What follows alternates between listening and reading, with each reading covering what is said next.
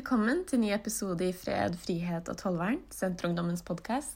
Og I denne episoden er det meg, Nora Rusten fra Internasjonalt utvalg, som leder denne episoden.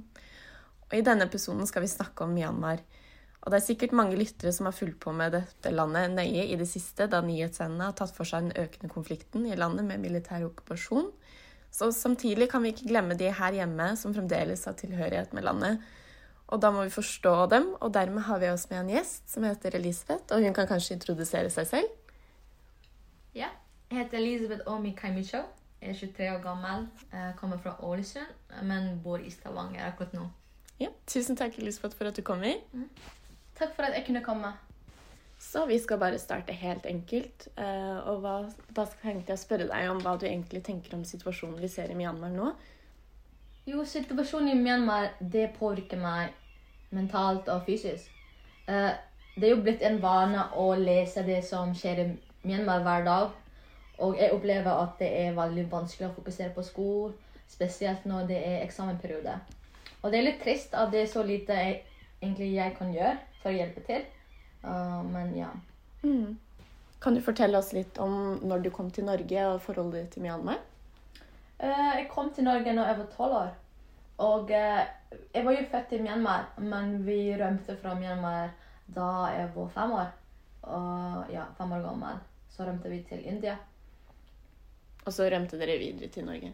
Ja, eller vi rømte ikke. Vi søkte sånn refugee. Mm. Eller, ja, så vi fikk eh, komme til Norge. Mm. Sånn, ja. Og hvor mange var dere i familien når dere kom til Norge? Eh, mamma, pappa og to lille brødre mine. Nemlig. Ja. Så du har et personlig forhold til Myanmar? Du husker kanskje landet? Ja, mm. jeg husker. Og har du fremdeles kontakt med de hjemme? Eh, faktisk ikke akkurat nå. Eh, min siste kontakt med tanta mi var faktisk begynnelsen av mars.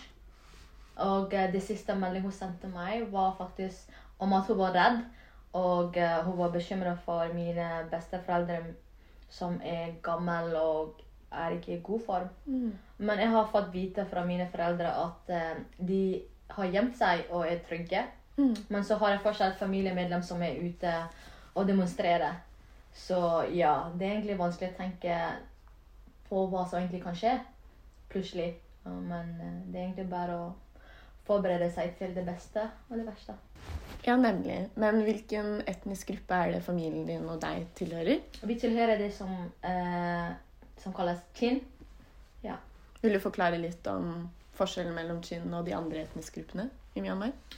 Uh, uh, jo, vi chin etnisk gruppe, vi er de, Vi fleste er kristne. Mm. Og vi har alltid vært en del av den etniske gruppe som er Vi er faktisk en av de etniske grupper som er mest forfulgte i Myanmar. Mm. Og Var det derfor dere rømte til Norge? Ja, jeg vil si det var en av de grunnene. Mm. Uh, fordi at vi er kristne, de, de fleste. Og uh, ja, og pga. fattigdom og ja, vi hadde mm. ikke like Gode muligheter. Ja, mm. som alle andre. Så da opplever du saken veldig nær. Eh, så da vil jeg spørre deg også hva du har gjort for saken her i Norge, med tanke på at vi har hatt en del demonstrasjoner her i Norge imot den militære okkupasjonen. Mm -hmm. Jeg og faktisk uh, Vi har vært ute og demonstrerte. Uh, og så har jeg og tre andre uh, vennene mine Vi har laget et team hvor vi kaller for Myanmar Generation Z. Og de, vi har både Instagram og Facebook hvor vi deler informasjon om det som skjer i Myanmar hver dag. Og ja, så har vi også laget musikkvideo og laga Splice, hvor folk kan donere penger som vil gå til CDM til Myanmar. Også interessant. Kan dere fortelle litt mer om hvordan dere har nådd fram til det myanmarske? Kan du snakke litt om hvordan dere har nådd ut til folket i Myanmar her fra Norge? Jo, vi har faktisk folk i Myanmar. Hele formålet med, det Hele formålet med musikkvideo var å spre budskapet om det som skjer i Burma. Og jeg følte at vi klarte det, for musikkvideoen gikk jo i viral. Med Elisabeths tillatelse så fikk vi lov til å ha et lite innslag av sangen hun og vennene hennes har laget, og her får dere høre den.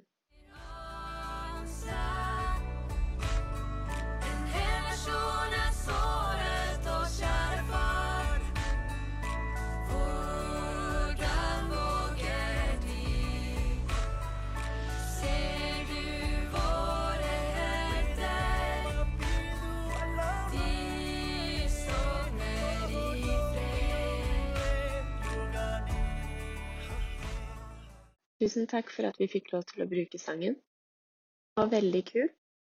Føler du at det er de unge som er mest engasjert for å kjempe mot demokrati i Myanmar? Eh, jeg vil si det er egentlig begge deler, men når det er snakk om de som går på gata og demonstrerer, vil jeg si de fleste er ungdommer, ja. Mm. ja og så har vi den tanken det med at uh, you know, you are messing with the wrong generation. Mm. Ja. Og det er på en måte budskapet med Instagram-kontoen også. Er det. Her med at eh, Du har vært med på demonstrasjonene her i Norge. Har du lyst til å snakke litt mer om de, og hvordan forholdet er der? Jo, når jeg var ute og demonstrerte her i Stavanger, så så jeg faktisk mange eh, ungdommer som er egentlig ikke født i Myanmar, og kanskje har ikke så mye knyttet til eh, det som egentlig skjer i Myanmar. Men det var, det var godt å se de. Eh, jeg følte at de brydde seg eh, fortsatt om Myanmar, selv om de var ikke født der. og Og hvordan opplever du responsene her i Norge når du selv deltok i demonstrasjonene? Var det mange som hadde kunnskap om det som hadde skjedd, eller følte du noe spesiell støtte? Eh, jeg har faktisk ikke tenkt på det spørsmålet. Men når som du sier det, så har jeg faktisk opplevd Eller når jeg var ute og demonstrerte, så var det en norsk som kom, og hvor han fortalte om at han sto sammen med oss. Så det var jo mot, eh, motiverende å høre fra en norsk. Mm. Og har også opplevd at eh, de mange av norske har faktisk um, lest nyheten om Myanmar, som gjør at ja um, De kan faktisk kan, noe om ja. saken, og at eh, de har kjennskap til det. Jeg vet i hvert fall at jeg personlig opplever i situasjonen i Myanmar som ganske urovekkende. Um, og jeg har jo selv ganske mange venner som snakker om saken, eller vi, vi har i hvert fall tatt det opp når vi har møttes, eller jeg spør dem vet dere hva som skjer i Myanmar, og de fleste på en måte sier at de har kjennskap til saken. Og jeg tenker at når Norge er såpass stor rolle for demokrati, at vi selvfølgelig burde ta opp saken, vi også. At eh, det fremdeles skal være viktig, selv om det er ganske langt unna geografisk sett. Um, men så kan vi også eh, stille spørsmål om hva er det egentlig Norge gjør med situasjonen? Hva betyr demonstrasjonene? Og eh, stort sett hvordan er det vi skal gå videre for å vise mer støtte? Og bare for å sette hele situasjonen i perspektiv, så har jo til og med FNs høykommissær for menneskerettighet gått ut og sagt at det som skjer i Myanmar, minner ganske mye om det som hadde skjedd i Syria før. Og det setter jo det ganske i perspektiv, ettersom det også har vært over 750 menneskeliv som har gått tapt som følge av denne militære okkupasjonen.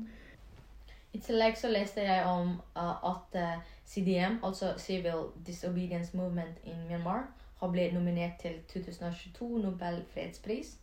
Og det å bli nominert har jo et stor betydning for folk i Myanmar, og for alle som står sammen med Myanmar. Så vi håper at denne nominasjonen vil føre til at Myanmar-folkets stemme blir hørt internasjonalt. Mm. Hvilken gruppe er det CDM består mest av? Er det studenter? Er det ungdommer? Nei, CDM er for de som har jobb, Mm. og eh, de som vil være med i denne movement. Mm. eh, slutte jobb fordi at de vil ha eh, frihet. Det er, det, ja, det er kun for de som har jobb, da, vil jeg. Akkurat så de slutter jobben sin som en akt for å demonstrere og vise at de faktisk ikke støtter militær okkupasjon. Ja. Vil du snakke litt mer om forbindelsen mellom deres spleisgruppe som dere hadde laget med dine venner, Mm. og CDM? Jo, det penger som blir donert i det Splice som vi har laga, blir jo eh, videre sendt til CDM. Så det penger som er sendt til CDM, blir jo selvfølgelig gi, gi videre, blir gitt videre til folk som har slutta på jobb, og som trenger penger. Og som aktivt deltar Ja. i demonstrasjonen. Ja.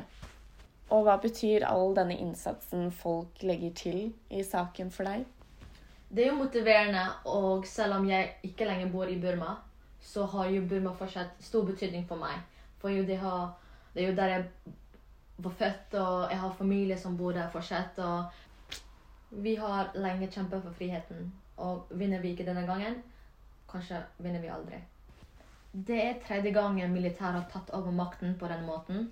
Første og andre gangen så skjønte vi ikke helt hva friheten var.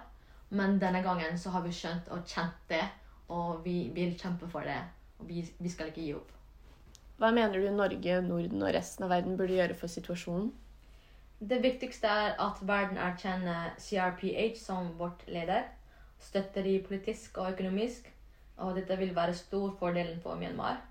Og vi håper at verden og Norge setter press på styret og stopper all samarbeid med eh, militær. Og vi, har, vi ønsker også at eh, Telenor skal jobbes eh, og stå sammen med folk i Myanmar og ha nettet tilgjengelig for dem i tiden hvor nettet er vekke. Ja, og som sagt, hvis det blir borgerkrig, så blir det mange flyktninger. Ja, og flere liv tapt, Mm. og det vil vi helst ikke se. Mm. Men håper du å dra tilbake til Myanmar Ja, som et fritt land? selvfølgelig. Ja. Mm. Mm. Og med det avslutter vi denne podkasten. Jeg vil takke Elisabeth, som sa seg villig til å komme og fortelle sin historie. Tusen takk. Jo, takk for at jeg kunne være her. Takk for at du ville ha meg her. Jo. Og takk til dere lyttere. Dere har hørt på Fred, frihet og tollvern.